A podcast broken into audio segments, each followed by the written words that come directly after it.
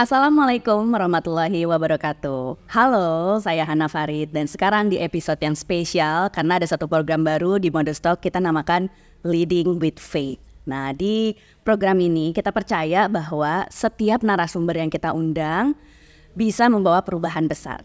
Nah, siapa yang saya undang di episode pertama Leading with Faith? Kita undang a conversation with Pak Gita Wiryawan.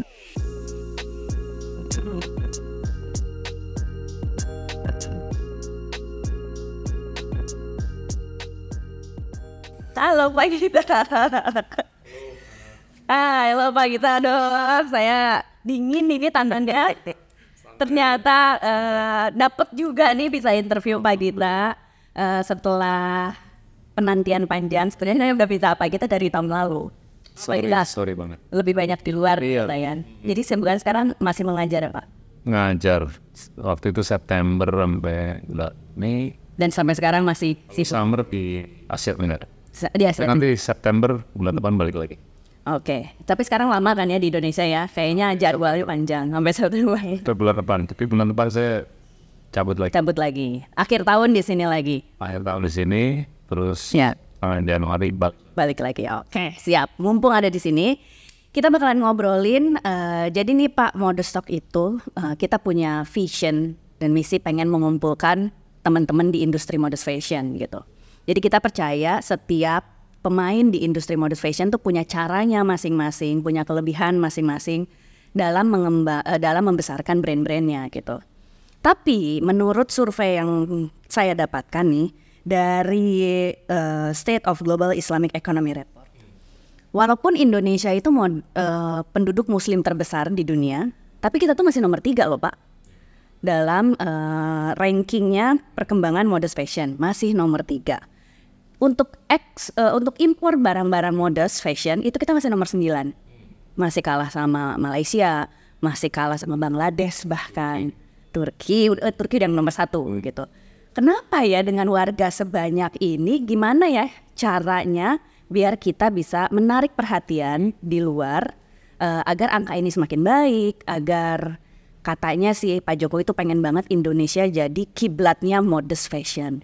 Nah, Pak Gita nih sebagai pengajar iya, negarawan iya, podcaster iya, tapi juga dari sisi investment, dari sisi investor apa ya angka yang menarik agar kita itu dilirik gitu sama investor-investor luar. Banyak kiri saya PR-nya. Eh, secara makro, kalau kita lihat tuh kan jumlah penduduk Muslim di dunia ya, itu kurang lebih 1,8 1,9 miliar. Ya, itu kurang lebih 24 persen dari ekonomi dunia. Dari sorry penduduk dunia penduduk dunia. 24 persen. Kalau Nasrani garis miring Katolik itu bisa dibilang 2,2 2,3 miliar. Anggaplah 30 sekian persen dari populasi dunia. Nggak jauh dong. Nggak jauh. 24, Tapi tapi kalau kita lihat okupasi kue ekonomi dari negara-negara Muslim di dunia itu nggak lebih dari 5% dari total ekonomi dunia. Yang nggak nyambung kan adalah kita mengokupasi 22% dari populasi dunia, tapi kita hanya mengokupasi kurang dari 5% dari kue ekonomi dunia.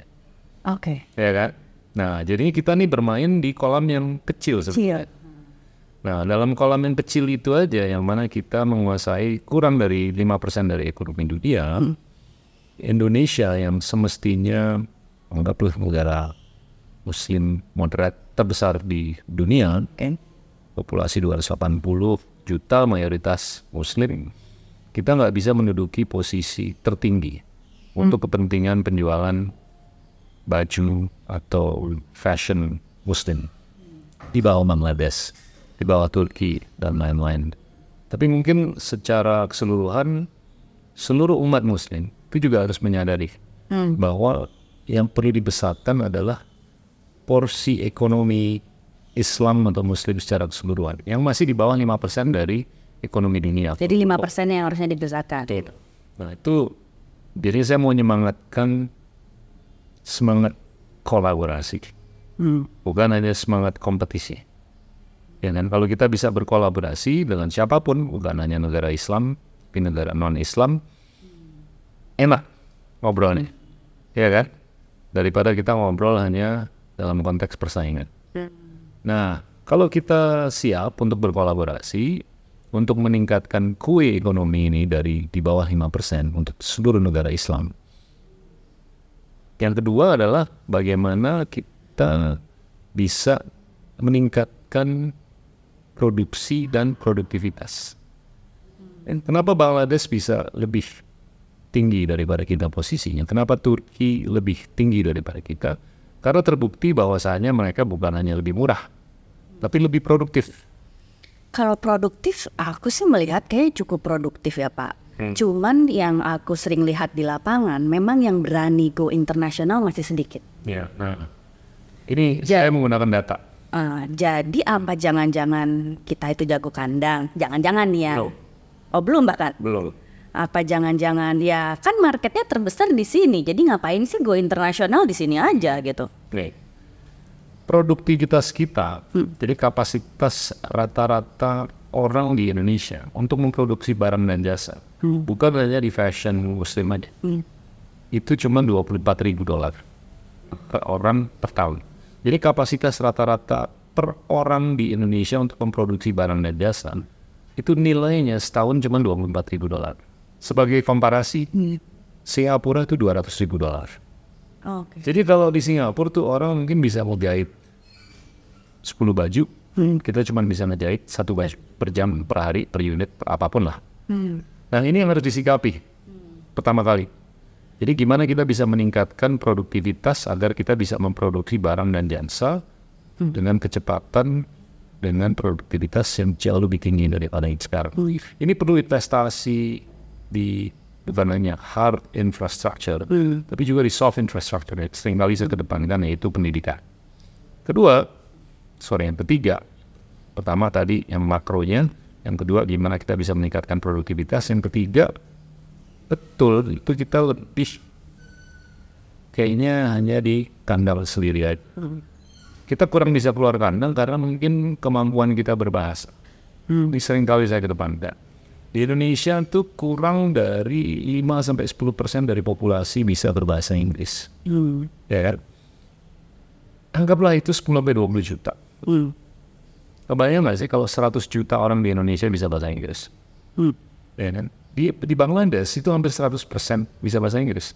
Karena mereka pernah dijajah bahasa Inggris. Perdagangan di dunia itu kebanyakan dilakukan dalam bahasa Inggris.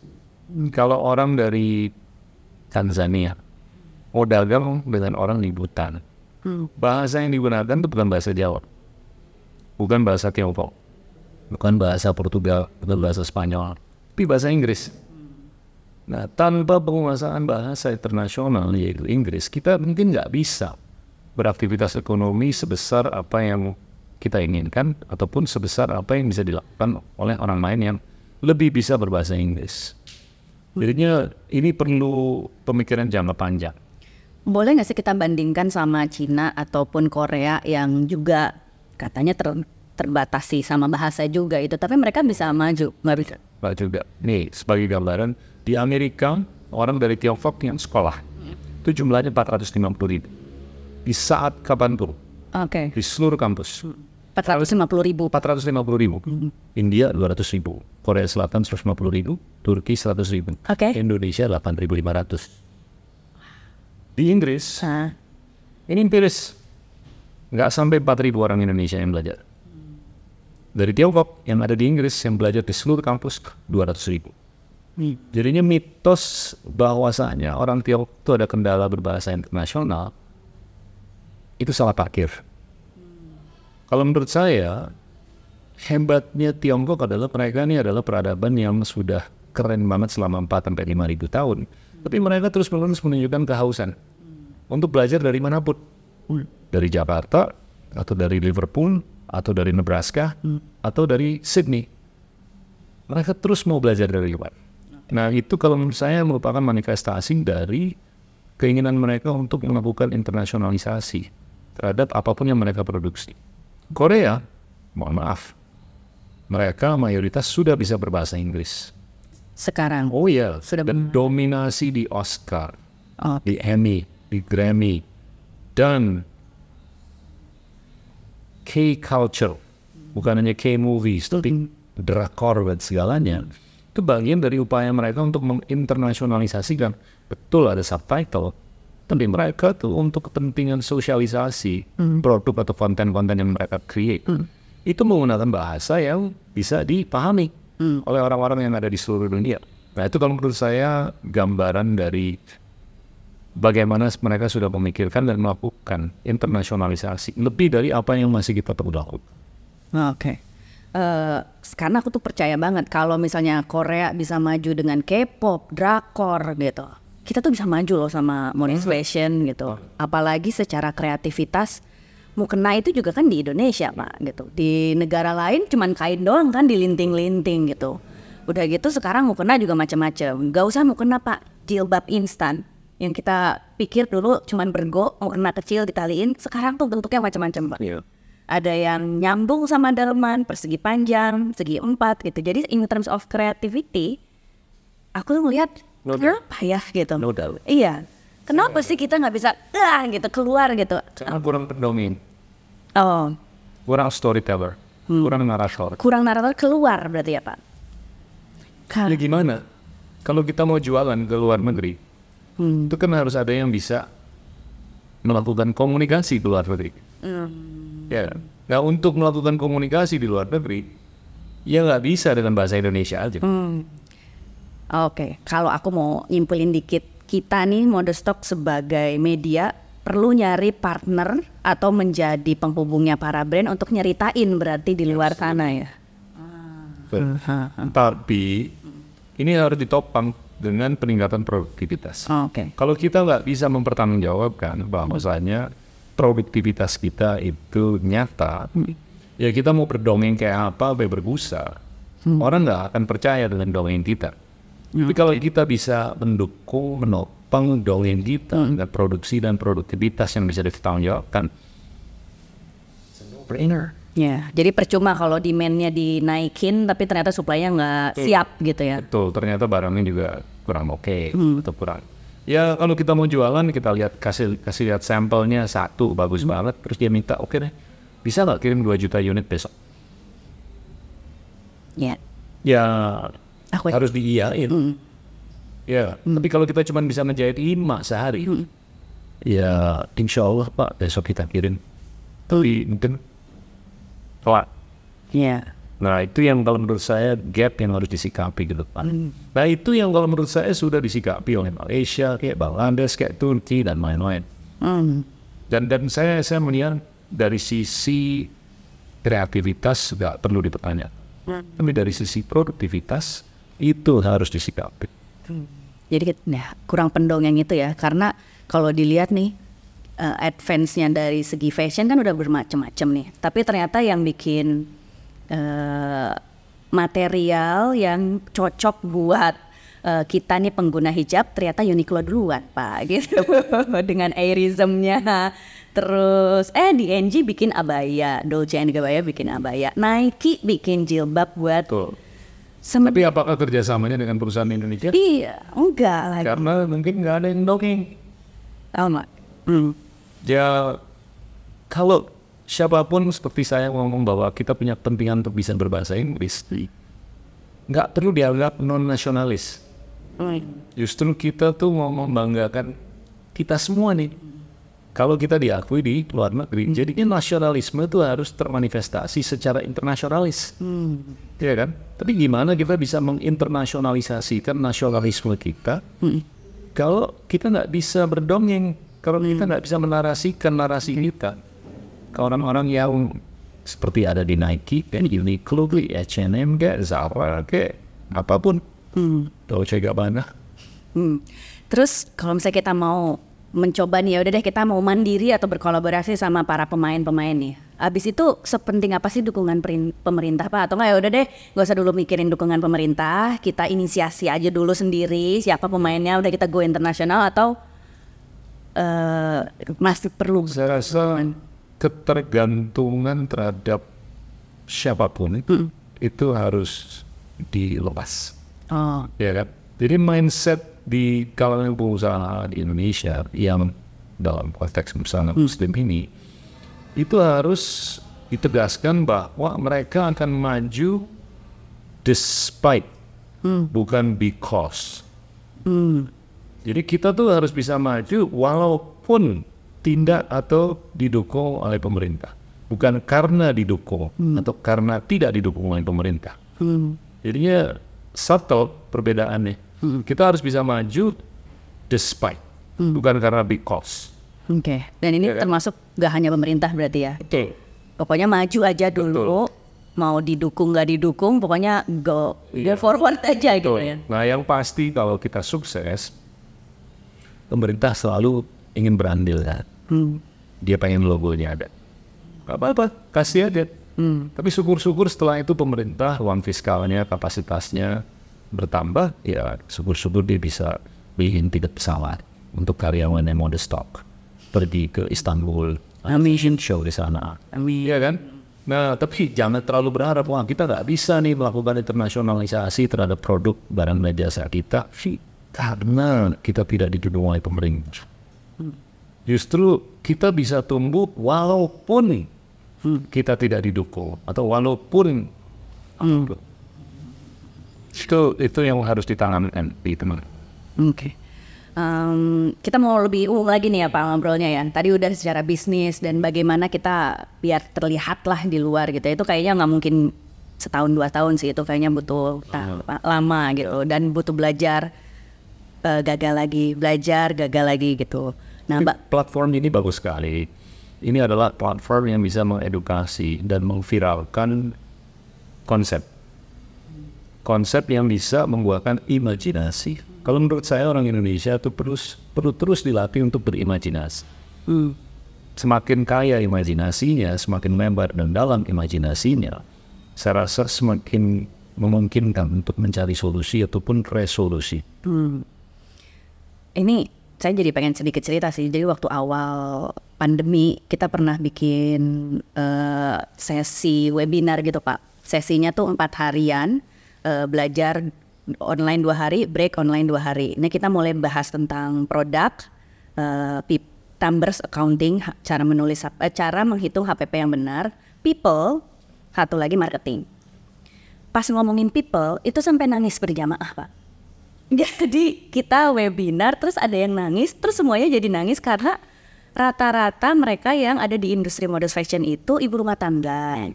Terus eh, awalnya kerja sambilan, eh ternyata bisa menyopang keluarga gitu, tapi nggak punya background edukasi secara eh, edukasi secara bisnis gitu. Jadi rata-rata tuh udah maju jalan tapi nggak tahu mesti gimana gitu. Jadi begitu ngurusin people mereka tuh nangis tuh pak. Jadi buat aku tuh edukasi edukasi tentang entrepreneurship, apalagi spesifik di modest fashion itu sedikit sekali gitu. Dan rata-rata pemain di modest fashion, terutama perempuan yang dibesarkan dari kultur Islami, kita itu sering kali dibatasi untuk jangan main sama anak yang itu, itu geng nakal gitu. Mainnya jangan sama yang ini, itu nggak boleh gitu ya. Nah itu yang aku rasain ketika brand-brand ini juga jadinya ketika mau berkembang mereka nggak terbiasa untuk bisa mingle di lingkungan yang berbeda, specifically di lingkungan non Muslim So, gitu. Jadi aku sendiri kadang juga sering merasa penolakan pak atau ini entah bisa jadi aku juga yang sensitif ya. Hmm. Jadi mau masuk ke circle tertentu, ah dia nggak bisa ngobrol dia anak hijabers gitu. Hmm. Jadi pengen rasanya menyambungkan itu secara edukasi kita pengen belajar sama ya Chinese sih kebanyakan ya. Kayaknya lebih pinter gitu ya kalau urusan bisnis gitu. Jadi pengen cross itu tuh Pak gitu. Apa tuh saran Bapak eh, biar kita tuh bisa menggabungkan nih karena ini bisnis industrinya besar banget tapi kita juga perlu banyak belajar sama lingkungan yang di luar nyamannya kita nih. saya diundang ke berbagai komunitas Chinese, komunitas Nasrani, komunitas Yahudi, komunitas Muslim untuk memberikan paparan, Hmm. untuk ngajar kayak, untuk memberikan ceramah kayak, atau apa. Bener Ya, saya Ini dapat saya tadi. Kalau eh, circle muslim itu Saya rasa ada benernya, tapi jangan terlalu khawatir. Oh, oke. Karena manusia tuh sangat bisa berevolusi, ya kan, menuju kebaikan dan perbaikan, Oke. ya kan. Dan ini pesan yang saya mau kedepankan, di mana mungkin saya tuh bisa diterima atau diundang untuk berbicara di komunitas macam-macam, karena saya tuh selalu berupaya untuk menunjukkan keterbukaan, ya kan. Dan dan jangan lupa kita nih eksis sebagai demokrasi terbesar nomor tiga di dunia. Ya kalau kita mau dan kita udah bulat kan ngambil keputusan untuk berdemokrasi. Ya proses demokratisasi itu harus kental dengan keterbukaan. Bagaimana kita mendemokratisasikan upaya-upaya yang syukur-syukur menuju ke hal-hal yang bijaksana. Tapi tanpa keterbukaan, Hmm. ya sulit untuk kita bisa diterima. Ya kita nggak akan bisa diterima kalau kita nggak bisa menerima. Dan keterbukaan itu kalau menurut saya yang paling struktural adalah keterbukaan terkait dengan ilmu. Ya kan? Nah ini saya selalu ngomong ke anak-anak muda di kelas tadi pagi saya diminta kasih apa sih coaching kayak ceramah kayak atau aparan atau apa ke ratusan orang yang mana kok saya bisa jadi kayak begini gimana sih? Iya nggak? ya orang nggak tahu saya tuh kegagalannya banyak banget. Tapi orang hanya ngeliat permukaannya aja. Tapi saya kasih tahu, yang penting gimana kita bisa mengantifragilkan diri. Antifragil itu artinya kalau kita digebukin, kita terbang. Tapi kalau resilient, digebukin kita survive. Nah, itu hanya bisa kejadian antifragilitas kalau kita tuh mendivergensikan diri, melebarkan sayap, melebarkan wawasan, melebarkan cakrawala, ya kan? Kalau kita mengkonvergensikan diri, yaitu kita membatasi wawasan. Nah, saya hanya bisa berpesan ke teman-teman umat bahwa kalau kita mau maju, kita harus ada keterbukaan. Salah satu keterbukaan kita adalah kita harus menyadari bahwa tadi yang saya bilang, negara-negara muslim di seluruh dunia itu hanya menguasai, mengokupasi kurang dari 5% dari PDB dunia. Jadi ngapain lo berkompetisi dengan Bangladesh? Ngapain lo berkompetisi dengan Turki sama Malaysia? Justru kita harus bukan hanya harus berkolaborasi dengan mereka, tapi kita harus berkolaborasi dengan negara-negara non-muslim. Tapi kalau kita tujuannya mau ke sana, ya berarti mutlak kita harus bisa berkolaborasi dengan orang-orang non-muslim di Indonesia. Iya kan? Itu namanya keterbukaan. Oke. Tapi prinsipnya ada, garisnya ada, yang mana kita nggak bisa lewati. Tapi banyak hal-hal lain yang mana itu sangat dalam bungkusan prinsip kita Hmm. yang masih diperkenankan. Hmm. Ya, melebarkan itu ya. Ini. Terus tadi ngomongin kegagalan nih Pak, emang paling enak tuh kalau ngomongin bisnis ngomongin gagalnya. Pak kita sempet gak sih ada kayak pas lagi jatuh ini atau enggak lagi bikin sebuah keputusan eh Konyol ya konyol sama mempertanyakan kemampuan diri sendiri. tiap hari. Oh itu sampai sekarang masih ya? Hari. Oh Ah, iya, kita kan di grup tuh kita melakukan beberapa dimensi usaha ya. Oke, yang di sini ada yang di sini, ada yang di sini, ada yang di sini. Ya, yang di sini bagus banget, yang di sini oke, yang di sini konyol banget. jadi ternyata sampai umur 50 masih ya? Makanya saya mau beranjak hanya menjadi guru. Saya tuh benar-benar ke depan tuh saya nggak mau lagi terlibat dalam apa ya urusan bisnis dan segalanya yang syukur-syukur saya bisa benar-benar delegasikan secara keseluruhan. Tapi untuk sementara ini kan lagi melewati transisi. Nah, transisi ini nggak gampang di mana kaki saya masih ditarik, yang kiri, yang kanan, tangannya masih ditarik. Ininya di korek-korek dari belakang dan segalanya ya nggak apa-apa. Tapi itu memang proses belajar. Hmm. Eh, untuk saya dan teman-teman yang udah ya 20 tahun bekerja, mungkin 10 tahun di entrepreneurship, kurang lebih lah gitu, sering mempertanyakan nah, eh, am I good enough, terus udah gitu sudah menjadi pemimpin yang benar atau enggak, terus kalau misalnya dipertanyakan sama tim, ini tuh mau mau feeding my ego atau mengikuti kata hati nih ya. Iya. Ego kata hati, ego tipis soalnya Pak gitu. Coba ada wisdomnya lagi nggak Pak gitu? Atau kat- sampai saya tuh pernah menulis kalau pujian itu adalah ujian. Iya. Karena begitu kita dipuji, begitu kita berhasil ya kita adiktif. Tapi jangan-jangan kita tuh cuman pengen pujiannya aja gitu. Like, Saya nggak suka pujian. oh ya. Hmm. Walaupun itu katanya bisa jadi bahan dasar Pak buat Orang udah muji itu siapa pun ya. Itu dia udah mau masuk jurang, Bo. mau masuk jurang.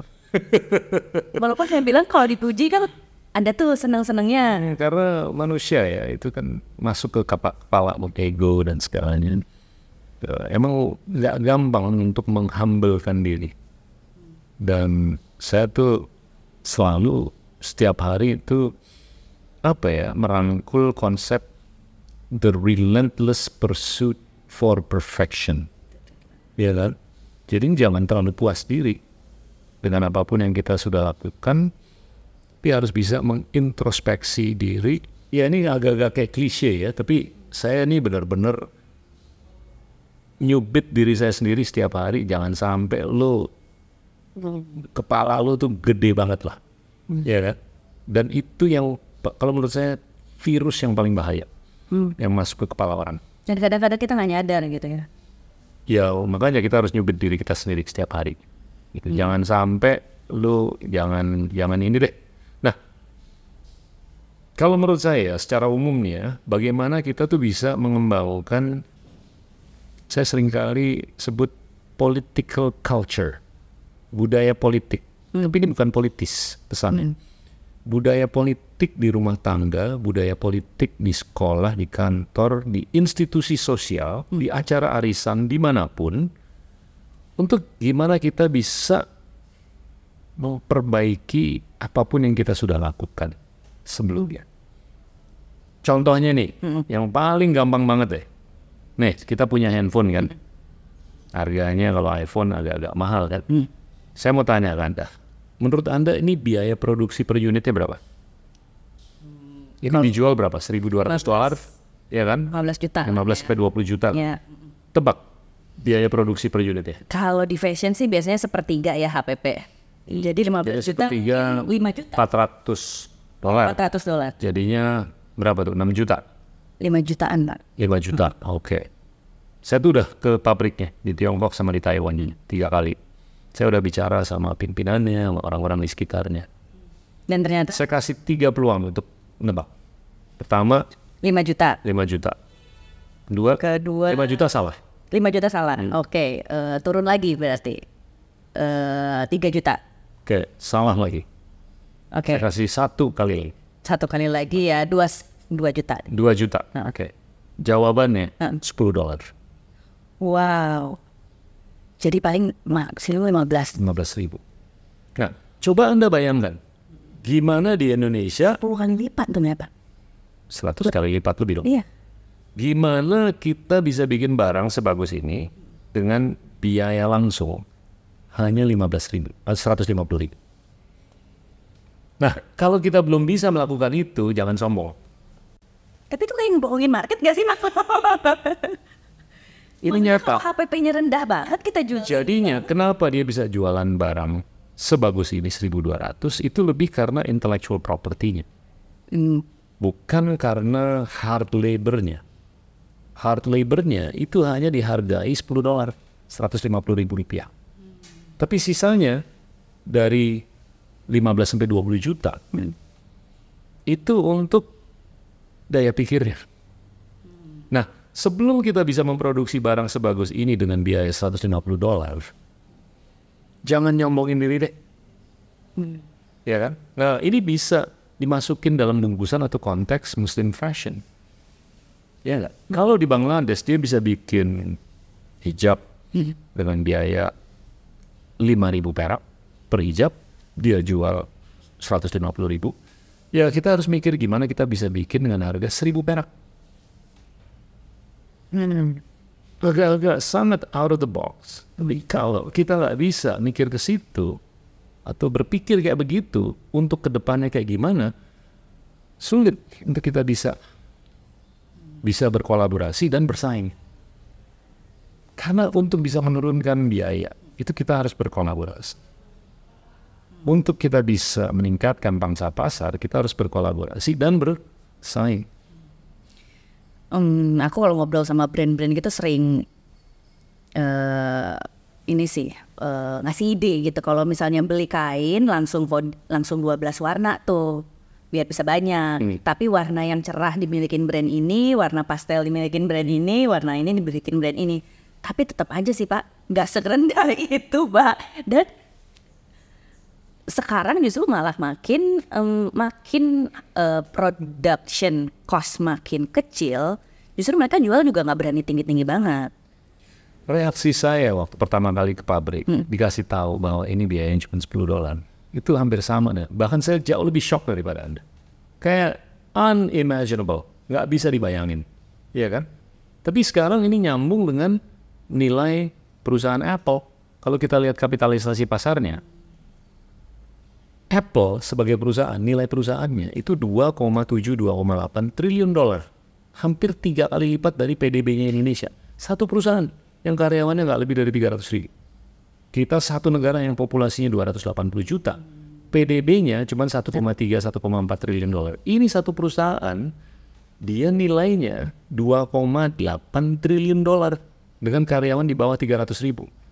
Ya dia bisa dinilai dengan nilai yang tinggi seperti itu karena produktivitasnya. Bukan karena brandnya. Hmm. Ngajakin ngomong gini susah sih Pak.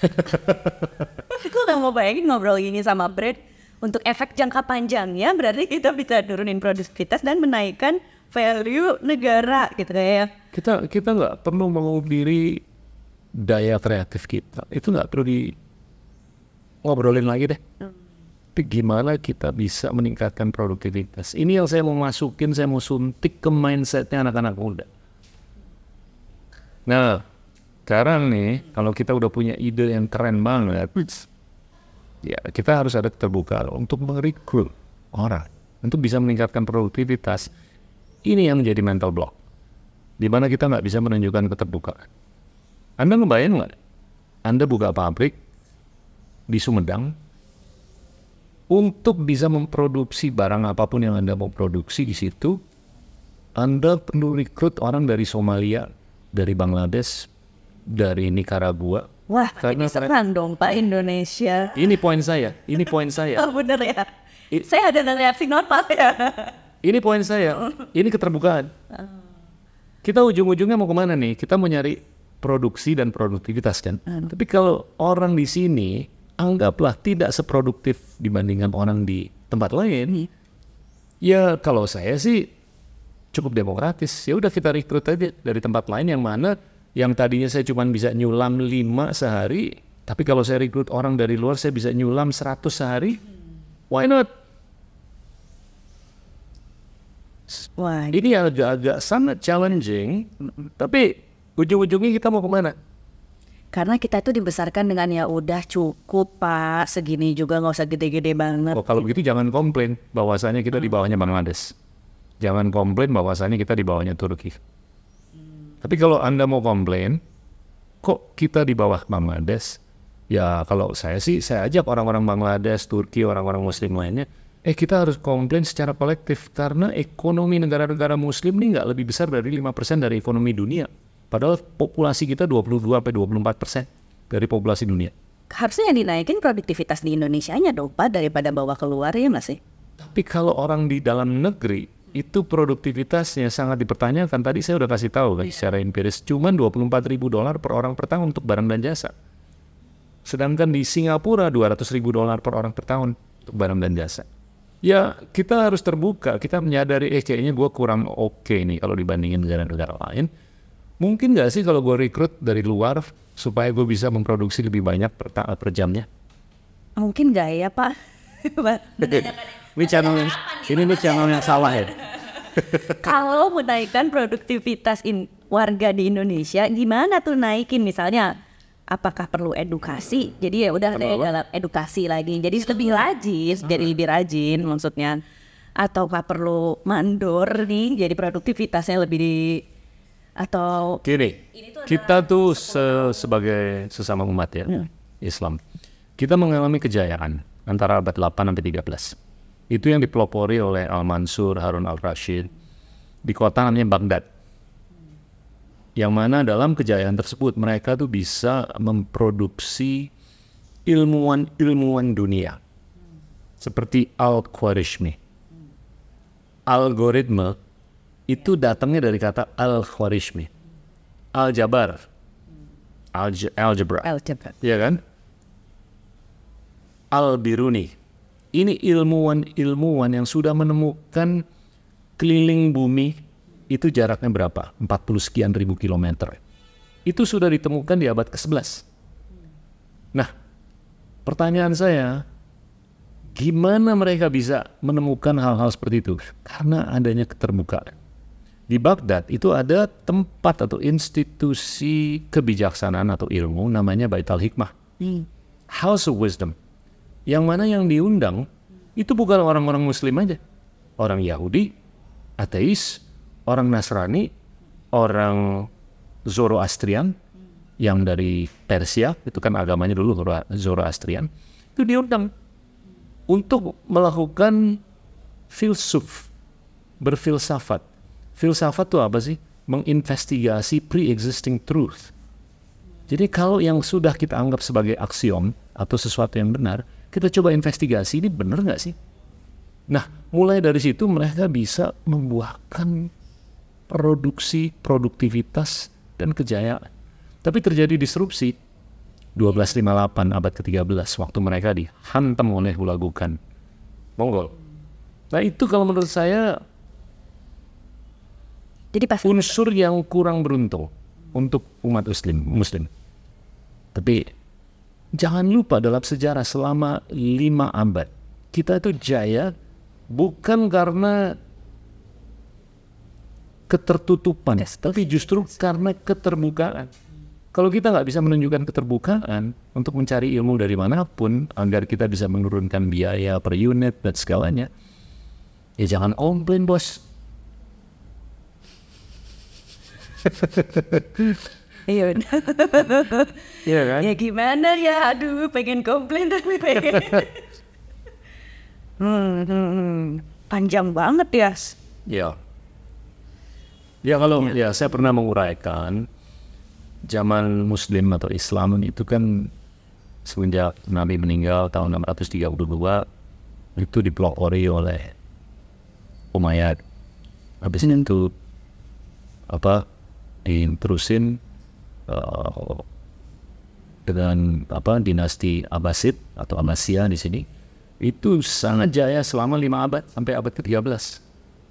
Hmm, tapi waktu itu di tahun 1299 diterusin oleh dinasti Ottoman yang berlangsung sampai di ujungnya Perang Dunia Pertama 1918 terus akhirnya Kesultanan Ottoman di Turki itu diturunkan oleh kekuatan-kekuatan Eropa di tahun kalau nggak salah 1922 tapi saya bisa mengambil kesimpulan dari abad 13 ujungnya sampai awal abad ke-20 kejayaan Islam itu tidak kental dengan scientific discovery. Tapi sampai abad ke-13 kita tuh kaya sekali dengan scientific discovery. Ilmu-ilmu yang kental dengan matematika, fisika, astronomi dan segalanya. Nah itu nyambung dengan produktivitas. Nah ini kalau di abad ke-21 kita mau keren banget membuahkan hijab yang bisa dijual di London, di Tokyo, di Hong Kong, Amin. Beijing, di New York, ya harus dibeli sama orang-orang di sana. Bukan hanya karena desain yang keren, tapi karena kapasitas produksinya, produktivitasnya dan daya narasinya, kapasitas dongengnya. Iya.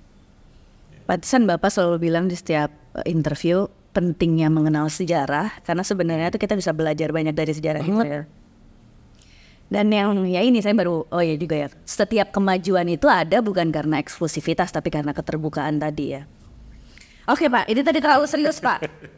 Sekarang aku mau tanya yang lebih santai nih Pak. Karena eh, lagi-lagi banyak brand-brand itu di usia-usia matang sih, usia matang 30-40 nih Pak. Mulai eh keraguan-raguan antara tadi kita bahas ego dan eh, ego dan juga ego yang bisa jadi candu yang membahayakan lah Pak gitu. Terus sekarang juga trennya Pak lagi banyak pengen pensiun dini Pak. Bapak sendiri ada pensiun dini di usia 40 nanti atau di usia 50 pensiun udah gitu nanti tinggal main di pantai aja gitu. Hmm, kurang tepat. Saya rasa meninggalkan profesi yang lama untuk kepentingan profesi yang baru itu oke. Oke.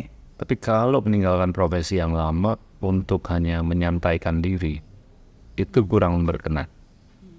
Tapi kalau relatif menyantaikan sedikit, rutinitas atau gaya hidup itu oke-oke aja. Agar kita bisa mencapai titik optimal atau titik keseimbangan antara kerjaan dan kehidupan. Work-life balance. Ya kan? Tapi saya nggak terlalu dalam kubu yang mana ah gue mau stop segalanya gue mau duduk santai di pantai. Eh, Enggak. saya lebih mau melakukan sesuatu yang baru. Ya kayak sekarang nih yang saya geluti adalah profesi ngajar. Saya cukup banyak ngajar dan ngomong di depan satu orang kek, di depan lima ribu orang kek, atau berapapun. It gives me a high. I get high. Karena saya bisa dengerin omongan orang dan saya bisa menyalurkan pikiran dan pemikiran. Itu eh, apakah itu high yang sama sama waktu Bapak memulai misalnya di Oh iya. di entrepreneurship, Oh iya. bisnis gitu. Betul. Jadi ada masanya dong Pak. Ada Kayak- masanya. Oh. ada masanya. Tapi saya yakin saya nggak bakal high kalau saya duduk santai di pantai aja.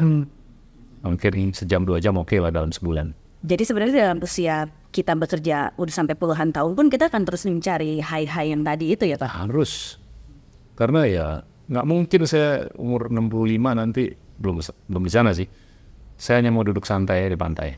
Nggak mungkin kayaknya saya kayaknya masih ngobrol. Pasti senang juga. Yang paling dinikmati dari mengajar itu apa Pak? Saya bisa belajar. Eh, Justru belajar. Saya kalau ngajar tuh saya lebih banyak belajar daripada ngajar. Karena kalau sebelum ngajar, saya tuh harus belajar. Ironinya adalah sebelum ngajar tuh saya harus melakukan persiapan kan.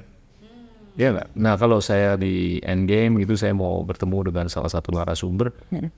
Kalau dia udah nulis 26 buku, saya pastiin tuh saya harus baca seluruh 26 bukunya. Kalau dia udah, ya ada satu udah nulis 26 buku, saya baca tuh semuanya. Semuanya Pak. Saya baca semua. Atau cuma di bagian belakang aja? Enggak.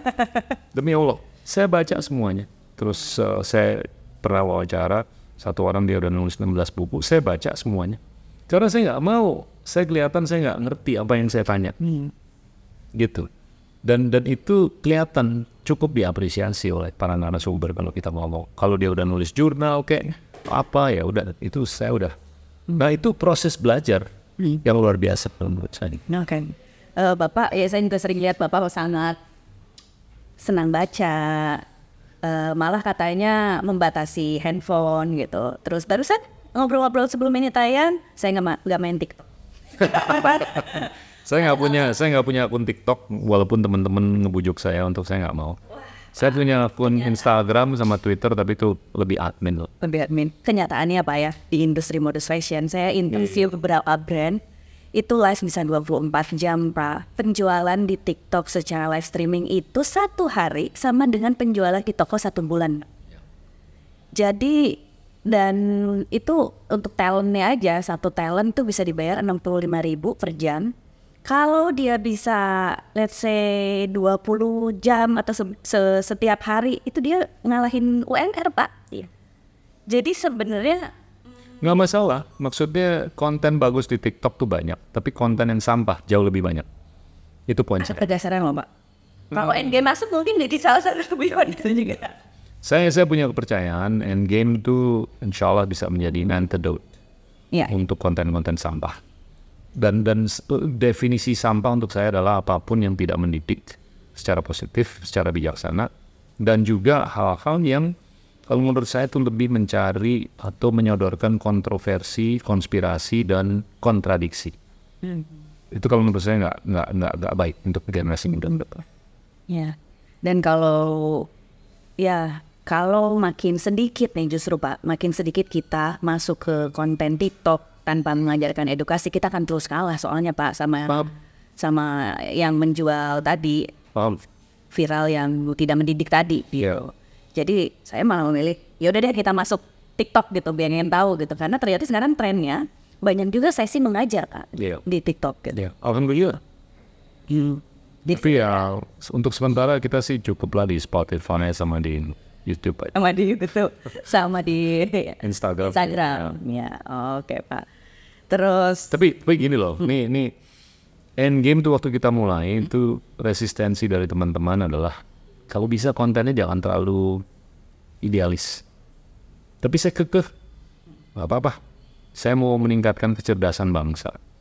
Dan teman-teman di sekitar saya bilang, Pak, paling banter dapat 5 sampai 10 ribu views. Alhamdulillah setelah 2 tahun 11 bulan atau 10 bulan, udah 65 juta yang nonton. Iya kan? dua tahun. Iya, dua tahun 10 bulan. Ya. Iya kan? It- Dan like- like- subscribers berapa sih? 660-an ribu. Dan ini sangat organik. Kita ditawarin jasa untuk mengol menaikkan. bola saljukan dan segalanya enggak. Karena saya mau ini proses pendidikan ke depan ini organik dan natural. Kalau audiens dari pengajar sendiri Bapak ada ini nggak sih kecenderungan aku kayaknya lebih enak ngobrol sama yang misalnya genre umur milenial gitu kalau sama Gen Z ya. Enggak. Ya, ta- tadi pagi saya ditanya hampir sama lah pertanyaannya. Saya tuh ngobrol dengan siapa pun topik apa pun kriterianya dia harus cerdas. Satu. Dua, saya nggak mikir kelompok umur targetnya siapa. Tapi nggak tahu gimana di kantor saya nih koleha saya yang umurnya kepala empat ke atas atau apalagi kepala lima kepala enam ke atas pada nggak dengerin. Saya nggak paksa. Tapi lucunya anaknya mereka semuanya dengerin. Dan mereka datang ke kantor minta selfie dan segalanya. Nah itu memberikan keyakinan bahwa anak-anak muda 18 sampai 32 lah, haus dengan konten yang anggaplah kental dengan pendidikan. Mereka udah jenuh atau fatigue dengan konten-konten sampah. Mohon maaf.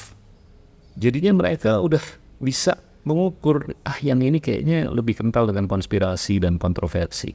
Saya mau cari sesuatu yang mana saya kayaknya belum tahu nih. Saya belum belajar atau apa. Dan syukur-syukur nanti end game kita ke depan adalah untuk meningkatkan budaya baca buku. Saya mau tanya, Anda terakhir baca buku kapan? Oke, tahun ini udah ba- baca berapa? Iya belum ya bulannya. Jadi baru satu tahun ini kan? Iya. Nah ini gimana? Iya, iya, iya. Ya saya sih Mungkin nggak sih Pak ini karena tan ya ini membela diri juga. Cara kita meng me- me- makan makan informasi itu berbeda gitu. Cara kita makan informasi itu adalah dengan menonton, tidak dengan membaca gitu. Gak apa-apa, kita bisa nonton di YouTube uh, book review atau book summary dari siapa pun itu bagus kalau menurut saya. Sekarang juga udah ada Blinkist yang dirangkum dengan beberapa paragraf para- paragraf Ya. aja. Itu oke. Tapi kalau saya tuh saya nggak bisa secara digital, saya harus megang kertas untuk bisa masuk ke otak saya. Karena mungkin mau apa cara saya belajar tuh dari kecil kayak begitu harus megang kertas gitu. Ca- Caranya apa pun saya sih oke-oke aja, tapi budaya baca buku itu jangan terjebak terbatas dengan 140 karakter atau 200. Iya, tadi baru nyinggung itu. Iya. Itu kalau menurut saya kanker. Karena kita tuh harus bisa berpikir secara divergen, kita harus bisa berpikir secara dalam juga dan jauh ke depan. Kalau kita dijebak dengan 108, 140 atau 280 karakter atau sound bites yang nggak lebih lama daripada 3 menit, saya nggak yakin kita bakal berkualitas pola pikir. Tapi kenyataannya nggak gitu. Betul, itu yang harus kita counter. Itu itu adalah apa yang end game upayakan untuk counter. Hmm. Karena cara kita me- men-serve eh, knowledge aja, cara kita membagikan konten di Instagram, di TikTok itu aja beda pak. Iya. Cara nulis caption aja beda, di Iya. YouTube beda Betul. gitu. Kalau di TikTok tuh memang beneran apa yang mau dibahas selama satu menit itu ya ada di judul semua. Betul, betul. Tapi saya saya sekarang kalau kita mengacu ke studi dari apa Surgeon uh, General di Amerika Serikat publikasinya penyakit yang paling rampan itu bukan diabetes, Bukan cancer. jantung atau kanker lagi atau paru-paru. Depresi, anxiety, dan suicides. Ya, depresi ini udah terbukti secara empiris berkorelasi dengan penggunaan HP dan penggunaan sosial media yang eksesif. Tapi kita udah tahu, tapi kita diem aja. Dan kita lihat pemangku kepentingan di seluruh dunia, apakah itu di dimensi politik, dimensi policy, dimensi entrepreneurship, dimensi akademis. Nggak ada yang ngambil sikap untuk mengcounter ini. Nah, sekarang saya tanya, TikTok itu inventornya di Tiongkok, ya kan? Iya. Tapi kok lucu kerangka regulasi di Tiongkok itu justru hanya membolehkan TikTok menyajikan konten-konten yang berpendidikan. Oh jadi dibatasi semua. Sangat dibatasi. Tapi mereka membedol desokan di luar Tiongkok. Dari situ kita udah melihat asimetri regulasi antara apa yang kita lihat di Tiongkok dengan apa yang kita lihat di luar Tiongkok. Loh, loh, loh, loh. Kok begini? Mestinya ya kita studi bandingin aja. Kalau mereka lakukan hal seperti itu supaya yang disajikan tuh yang positif aja, ya kita juga harus lakukan hal yang sama. Tapi kok kita nggak lakukan yang sama? Ini bukan salahnya kita sebagai policy maker, tapi kalau menurut saya ini ada unsur dari TikTok untuk membiarkan aja konten-konten yang nggak berpendidikan untuk ditaburin. Menggimana menilainya gitu yang tidak mendidik itu. Sekarang gini deh, kita bisa pelajari kenapa dan apa yang dilakukan oleh Tiongkok dari sisi kerangka regulasi. Kok konten-konten yang berpendidikan aja yang boleh disajikan, konten-konten yang positif aja yang bisa disajikan. Tapi konten-konten yang norak atau yang negatif atau apa pun lah itu nggak boleh. Jelas itu. Ya kalau menurut saya itu nggak ada jeleknya kan. Iya. Ya kenapa nggak kita copycat aja? Pimpinan dari TikTok itu datang ketemu saya. Saya kritik habis-habisan kayak begini. Terus apa jawabnya? Dia nggak bisa jawab. Diserahkan lagi ke negara masing-masing ya. Ya kurang cengli lah kalau begitu caranya. Ya kan? Kurang cengli ya. Kurang cengli. Ya. Tapi eh, sekarang kita maunya gimana? Kita awal mulanya kan kita komplain, Pak, kok kita kalah sama Bangladesh? Ya kan? Ya lu kalau mau komplain, lu harus tahu kenapa lu komplain. Ya kan? Dan, lu harus tahu action ya. Exactly. Saya hanya apa ya menyampaikan kayaknya ada sih langkah-langkah yang bisa diambil. Makanya bayangin kalau 100 juta orang Indonesia bisa berbahasa Inggris. Saya sering dituduh wah ini nggak nasionalis dan segalanya. Tunggu dulu bos. Ilmu mayoritas di dunia itu terdokumentasi dalam bahasa Inggris, bukan bahasa Indonesia, bukan bahasa Mandarin. Dan Tiongkok itu disalib oleh negara barat di akhir abad ke-19 dikarenakan mereka tidak melakukan dokumentasi terhadap ilmu-ilmunya mereka selama berabad-abad.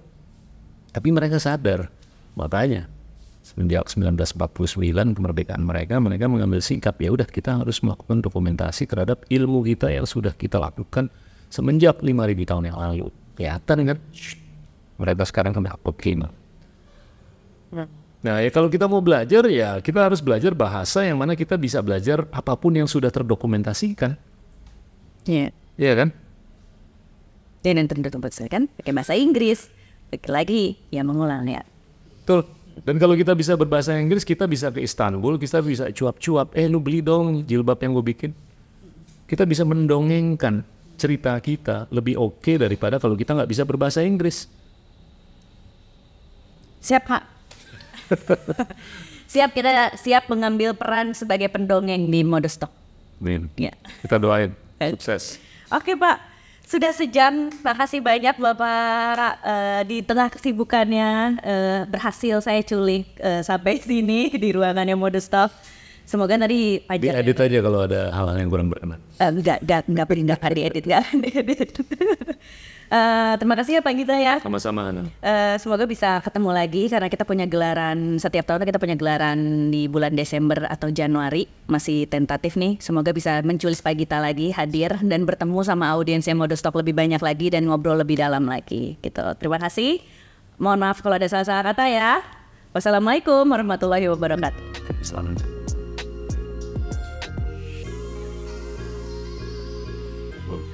Bukan dua